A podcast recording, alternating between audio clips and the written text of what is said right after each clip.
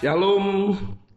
Kembali kita bertemu lagi di dalam khotbah berseri dalam rangka Paskah. Saudara kita masuk sekarang kepada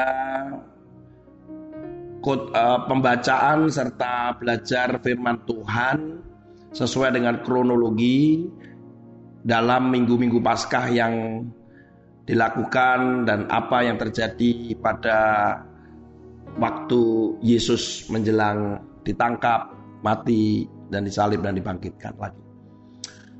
Yaitu kita buka di dalam Lukas pasal yang ke-22. Lukas pasal yang ke-22. Lukas pasal yang ke-22 ayat 3 sampai ayat yang ke-6. Maka masuklah iblis ke dalam Yudas yang bernama Iskariot, seorang dari kedua belas murid itu. Lalu pergilah Yudas kepada imam-imam kepala dan kepala-kepala pengawal bait Allah yang berunding dengan mereka. Bagaimana ia dapat menyerahkan Yesus kepada mereka? Mereka sangat gembira dan bermufakat untuk memberikan sejumlah uang kepadanya. Ia menyetujuinya dan mulai dari waktu itu ia mencari kesempatan yang baik untuk menyerahkan Yesus kepada mereka tanpa setahu orang banyak. Amin. Saudara, bahwa setelah para ke, imam kepala, orang Farisi, mereka bermufakat, mereka sepakat untuk mencari Yesus, menangkap Yesus, bahkan membunuhnya. Maka segala usaha dan strategi disiapkan. Salah satunya adalah ketika menjelang Paskah itu pun mereka sudah menunggu di bait Allah. Tetapi Yesus pergi ke Efraim, tidak datang ke bait Allah lagi karena Yesus tahu bahwa Yesus akan ditangkap. Tapi waktunya tidak pada hari itu. Tidak pada hari Rabu, ya. Tetapi Yesus menyendiri ke Efraim. Nah, dalam beberapa jam di situ muncullah Yudas, salah satu murid Yesus, Yudas Iskariot dari kaum Zelot. Saudara, Yudas akhirnya bersepakat lagi bahwa dia akan menyerahkan Yesus, menangkap supaya para imam kepala dan pengawal bait Allah menangkap Yesus.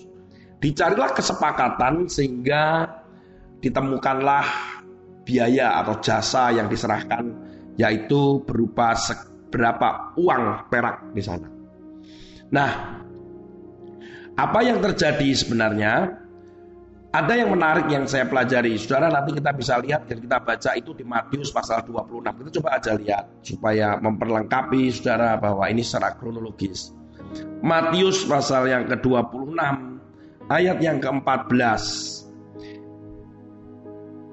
Matius 26 ayat 14. Kemudian pergilah seorang dari kedua belas murid itu bernama Yudas Iskariot kepada imam-imam kepala. Ia berkata, apa yang hendak kamu berikan kepadaku supaya aku menyerahkan dia kepada kamu. Mereka membayar 30 uang perak kepadanya dan mulai saat itu ia mencari kesempatan yang baik untuk menyerahkan Yesus.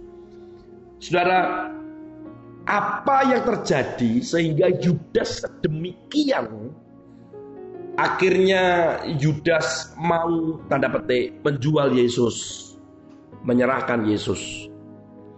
Ada satu yang kita lupa. Kok bisa? Kok bisa? Kok bisa? Saudara, ketika celah itu dibuka, kalau kita melihat, saudara nanti kita lihat dalam Lukas pasal 22 tadi, ayat yang ketiga, perhatikan baik-baik. Dikatakan begini, ayat yang ketiga, maka masuklah iblis ke dalam Yudas yang bernama Iskariot. Masuklah iblis. Saudara, ketika kita membiarkan diri kita dimasuki iblis, maka apa saja mungkin terjadi. Banyak orang percaya, orang percaya Yesus yang hari ini orang Kristen pun ada loh yang saya ketemu itu mereka tidak percaya yang namanya setan. Iblis itu mereka nggak percaya. Bagi dia, bagi iblis maksud saya, ketika kita tidak mempercayai adanya iblis itu adalah kemenangan buat dia. Lebih mudah masuk. Kenapa? Karena nggak dipercayai keberadaannya. Kalau kita percaya bahwa ada iblis, maka kita bisa berjaga-jaga dan waspada. Firman Tuhan jelas banyak tentang hal ini. Lawanlah iblis, lawanlah iblis.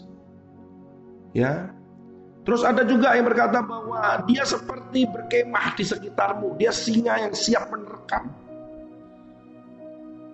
Iblis itu ada, saudara. Seringkali kita itu merasa bahwa gak ada, gak ada. Orang yang percaya kepada Yesus ada dua pendapat. Orang yang percaya kepada Yesus tidak bisa dirasuki iblis. Ada yang berkata bahwa bisa saja asal tidak membuka celah. Kalau saya ditanya hal ini, saudara, maka saya akan lebih menggunakan pendapat yang kedua.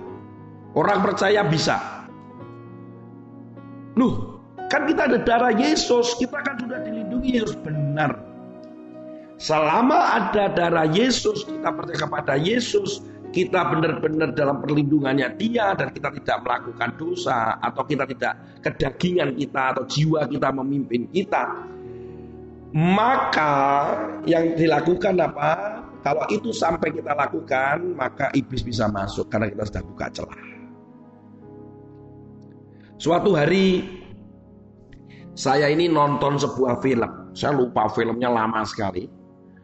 Filmnya itu begini. Film itu bercerita itu antara angel dan dev, uh, devil gitu ya. Jadi ini uh, dua dua tim baseball.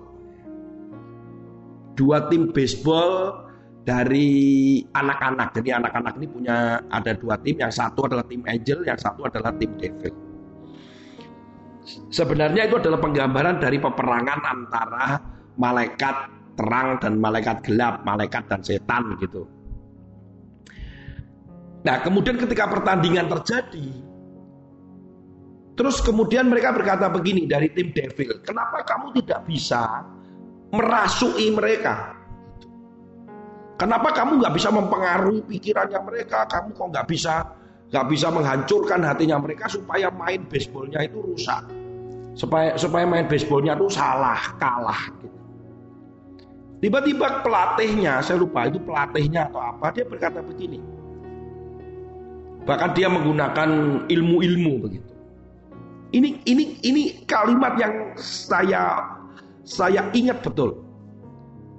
Dia berkata begini, kami tidak bisa masuk. Nah ini benar nih. Iblis tidak bisa masuk. Dia bilang, saya nggak, kami nggak bisa masuk untuk uh, masuk di hati mereka dan di tubuh mereka. Tapi kami bisa mempengaruhi lingkungan di sekitar mereka. Ketika mereka lengah, baru kami bisa masuk.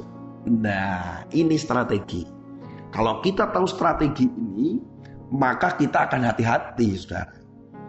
Jadi, iblis tidak bisa masuk di dalam hatimu dan pikiranmu, tetapi dia bisa mempengaruhi apa yang ada di sekitar kita, sehingga membuat kita satu jatuh dan melakukan dosa. Yang kedua, kita jadi lengah sehingga mengutamakan kedagingan.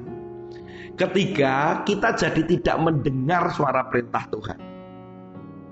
Jadi begitu itu ada di sekeliling kita, kemudian kita marah, celah itu terbuka, maka dia masuk. Begitu kita merasa bahwa iblis tidak bisa masuk karena ada dilindungi oleh kuasa darah Yesus, tiba-tiba di depan kita ada gambar porno. Gambar telanjang. Film porno. Kalau sampai, nah ini yang bisa dipengaruhi, ya itu yang bisa ditampilkan oleh iblis. Jadi itu ada di depan kita, ada di sekitar kita. Ketika kita meresponi, ketika kita kemudian mulai membuka, meneruskan, membacanya, melihatnya. Nah, di situlah iblis masuk. Saya ingat suatu hari uh, saya naik motor, saya pulang dari uh, rumahnya ibu gembala. Waktu itu kami masih pacaran ya. Saya pulang ke rumah, naik motor, motor pinjaman, saya bawa dua helm. Nah, waktu lewat di depan Galaxy Mall, itu ada orang yang celingak, celinguk, celingak, celinguk begitu.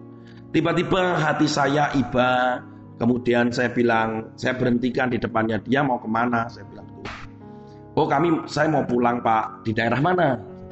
Akhirnya dia menyebutkan di daerahnya dan saya bilang, oh ya saya juga di daerah di situ, saya di daerah timur mau mau bersama-sama apa enggak? Yuk. Ini kebetulan saya bawa dua helm saya bilang. Oh ya mau pak. Terima kasih. Nah kemudian dia pakai helm. Saya pakai helm terus kemudian kami naik motor berdua. Dan di dalam perjalanan itu ternyata saya salah orang saudara.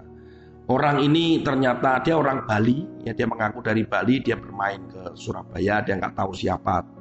Uh, dia lagi bermain di mall dan dia mau pulang. Dan orang ini lihat berarti kan Orang ini mulai memancing.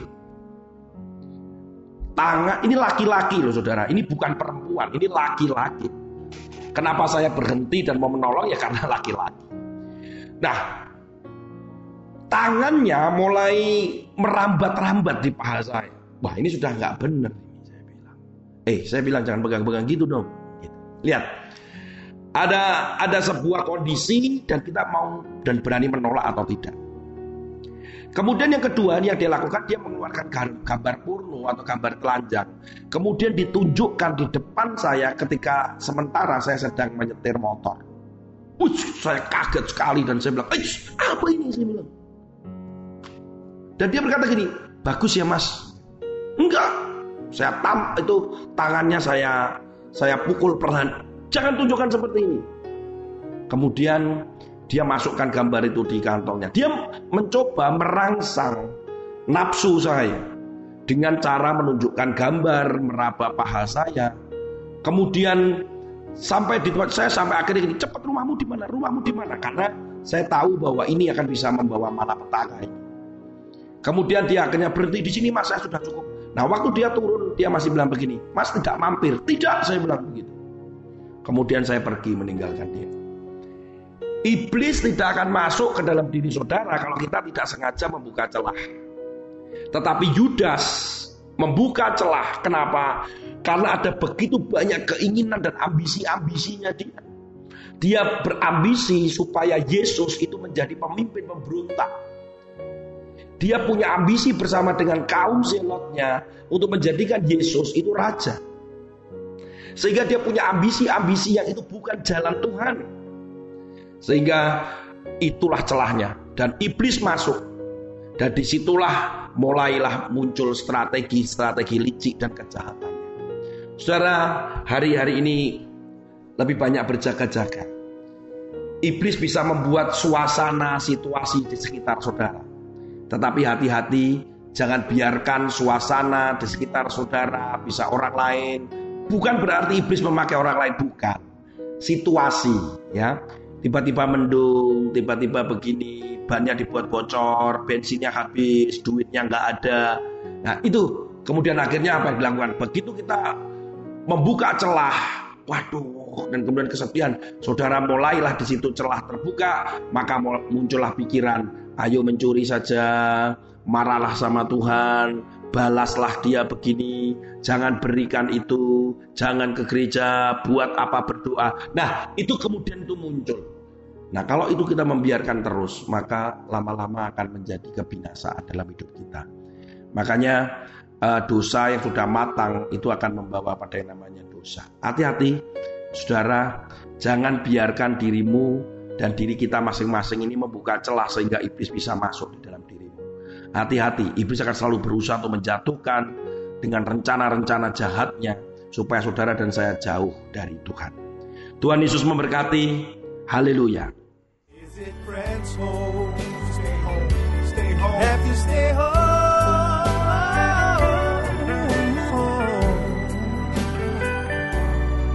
Let's show some love and flatten the curve. By staying at home. Save a life, stay at home.